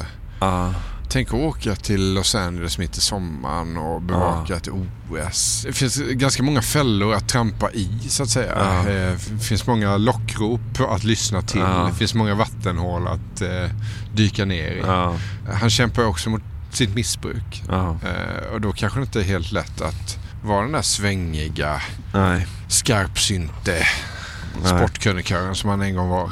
Sen tycker jag också att han, han bjuds in, framförallt av Tom Engstrand, ingen, ingen annan bjöd in eh, Lennart Hyland till ett kåserande, eh, kronikerande segment. Han kommenterar avslutningen med Tommy till exempel. Det är den sista, eh, det är väl grand final på något vis. Men Tommy bjuder in honom och jag tycker att det finns, man vill höra ett stycke som någonstans, om man lyssnar noga, kan berätta lite om vem Lennart Hyland var och hur duktig han var på att prata sport. Och samtidigt ta in när, alltså, de sista skälvande sekunderna av när han sänder sport. Så finns det ett klipp som kanske är bättre än någonting annat. Och det är när han får stänga friidrotten och Carl Lewis insatser eh, tillsammans med Tom Engström. Jag tycker att vi ska bjuda våra lyssnare på det. Jag tycker det. Som sammanfattning av det jag har sett av den fria idrotten i stadion, och jag har sett det mesta via televisionsapparaten om inte annat, så är mitt intryck det att eh, den fria idrotten inte har nått upp till sina största stunder. På något sätt känner jag det som om fria idrotten här inte har haft samma dominerande intryck, gett givit samma dominerande intryck av att vara förebilden för allt det som har skett bakom under de här OSen som tidigare. Det har knutit sig på något sätt där inne i stadion. Publiken har varit för okunnig, den har varit alltför entusiastisk och så när den sen har känt sig lurad av konfekten så har den häpet suttit med öppna munnar och undrat, alltså det var inte mer än så här ändå. Och så USA-dominans i stafetterna då med Carl Lewis förande eh, USA till inte bara olympisk guld utan även världsrekord på 4 gånger 100 meter. Jag vet, vi kanske inte ska säga mer om Carl Lewis. Han är nu GSOens jämlik när det gäller medaljer. Men jag undrar om han någonsin når hans personlighet. Nej, det gör han väl inte. Det är eh, långa spekulationer. Lustigt nog, samtidigt som nu hans namn går över hela världen som kung Louis, jag kan först föreställa mig hur det skrivs och vad det sägs om honom och hur han visas i bilder, så säger man här i USA på första sidans störst uppslagna artikel att han kommer aldrig att bli som Jesse Owens. Nej, det är ganska lustigt. Det mänskliga tar ändå mitt i alltihopa ut sin, sin rätt. Nej, men han, så han åker runt. Som sagt då, han åker ju och installerar den här Antabus-kapseln. Han prövar ut kläder för de har ju enhetlig klädsel där i Los Angeles. Och så får han ju då den här fria rollen. Han får ju liksom göra lite vad han vill. Han får göra det här. Han får göra lite kåserier och han får liksom... Alltså han får ju vara med. Det är väl det liksom att han får vara med och, och sådär. Tommy har ju då fått i uppgift, eller äh, Lennart säger till honom så här. Du ska komma inte med varje morgon klockan sju på hotellrummet. Och så ska du titta på när jag äter antabus. Liksom. Och det gör han ju då. Han går dit varje morgon och han gjorde det utan några klagomål, Lennart. Så jag gick in där och det, där gjorde ju han till en show så vi garvade. Ibland så la han den här tabletten på, på nosen och skulle göra som en delfin, fånga in. Och ibland försökte han klacka upp den.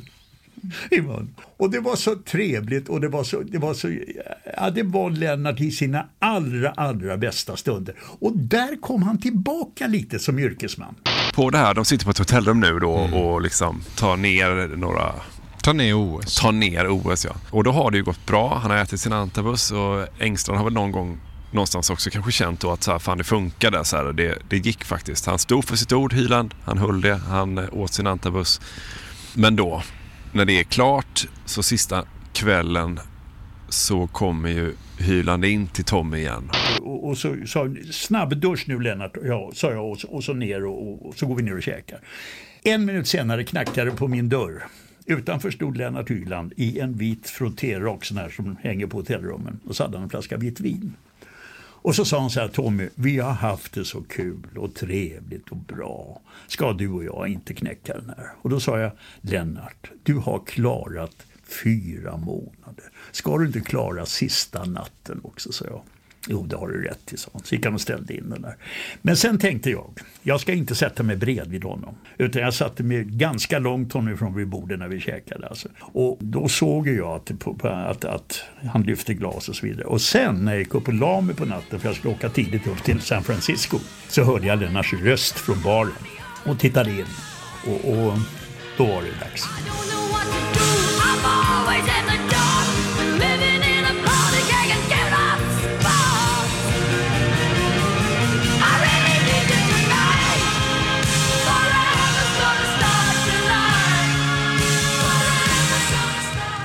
Så han sitter och skrålar där i hotellbaren och där är ju ändå liksom just detta att så här, ja, det handlade inte bara, det var en paus liksom. Det var inte, det var inte Det var inte slut. det var inte slutet. Det var inte så att det bara, åh, kolla här, nu är allt över. nytt liv. Precis. Och och läkarna har sagt till honom så här, du måste sluta dricka, din hjärna är förstörd. Om du slutar dricka så får du ett par år till. Så säger de hela tiden så här, du måste, men du måste sluta Lennart. Han, han gör inte det. Och Lars-Gunnar Björklund skriver brevet och han slutar inte liksom. Och det, det är klart att han, att han inte gjorde det nu heller. Liksom, att han måste dricka och det var bara en paus i hans liksom, livslånga kärlek som ändå är alkoholen. Och när han åker hem sen till Tuss och, och, och pojkarna och de firade en jul. Så jag vet inte om vi har liksom lyckats förmedla hennes frustration över Hyland men jag hoppas vi har gjort det liksom att det är ju hela tiden då det här att som aldrig någon bättring. All, ingen vilja till förändring. Det finns inte ens en vilja i honom. Och så är det en jul då eh, de firar, han och Tuss och familjen. De har inte så många vänner kvar som vill vara med dem men då sitter de i alla fall där familjen då. Och då, då, då kräver Hyland han, han har köpt, Lennart har köpt så många julklappar, då vill han ha en sup för varje julklapp han har köpt. Och då skriver Tuss att det blev en dyster jul. Och så frågar hon honom så här. Lennart, vad ska jag göra med dig?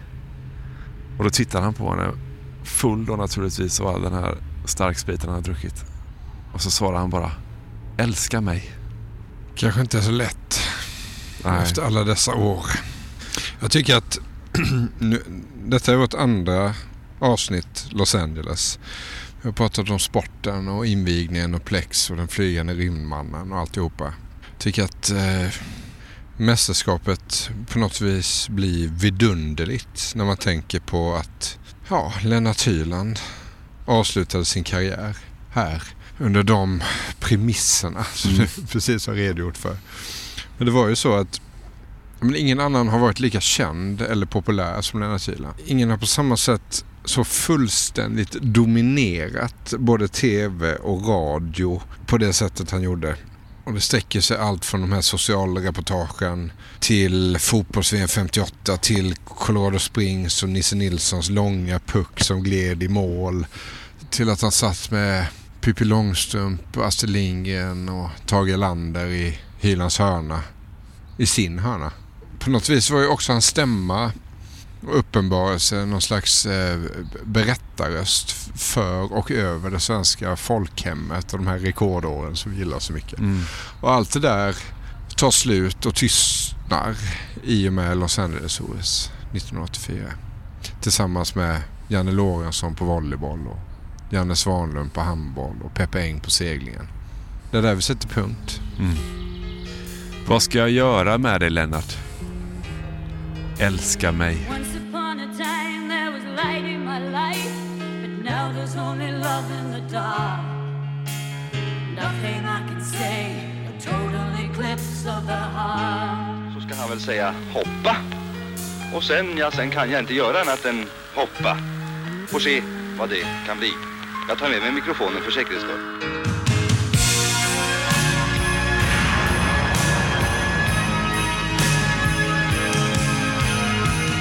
Vi kommer så småningom först nu. Och då accelererar Hamrin, håller bollen fortfarande och tränger chefen på. Hamrin håller bollen i alla fall, lekandes blir två man. Lyckas se till att han ska i mål! Ja!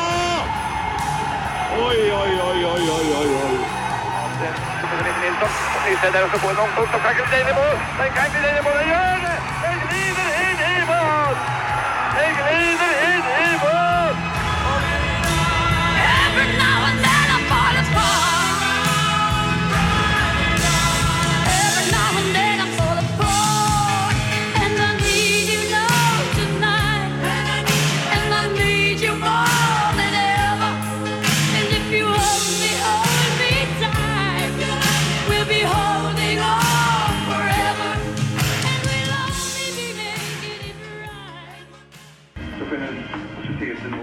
och här har varit storslaget.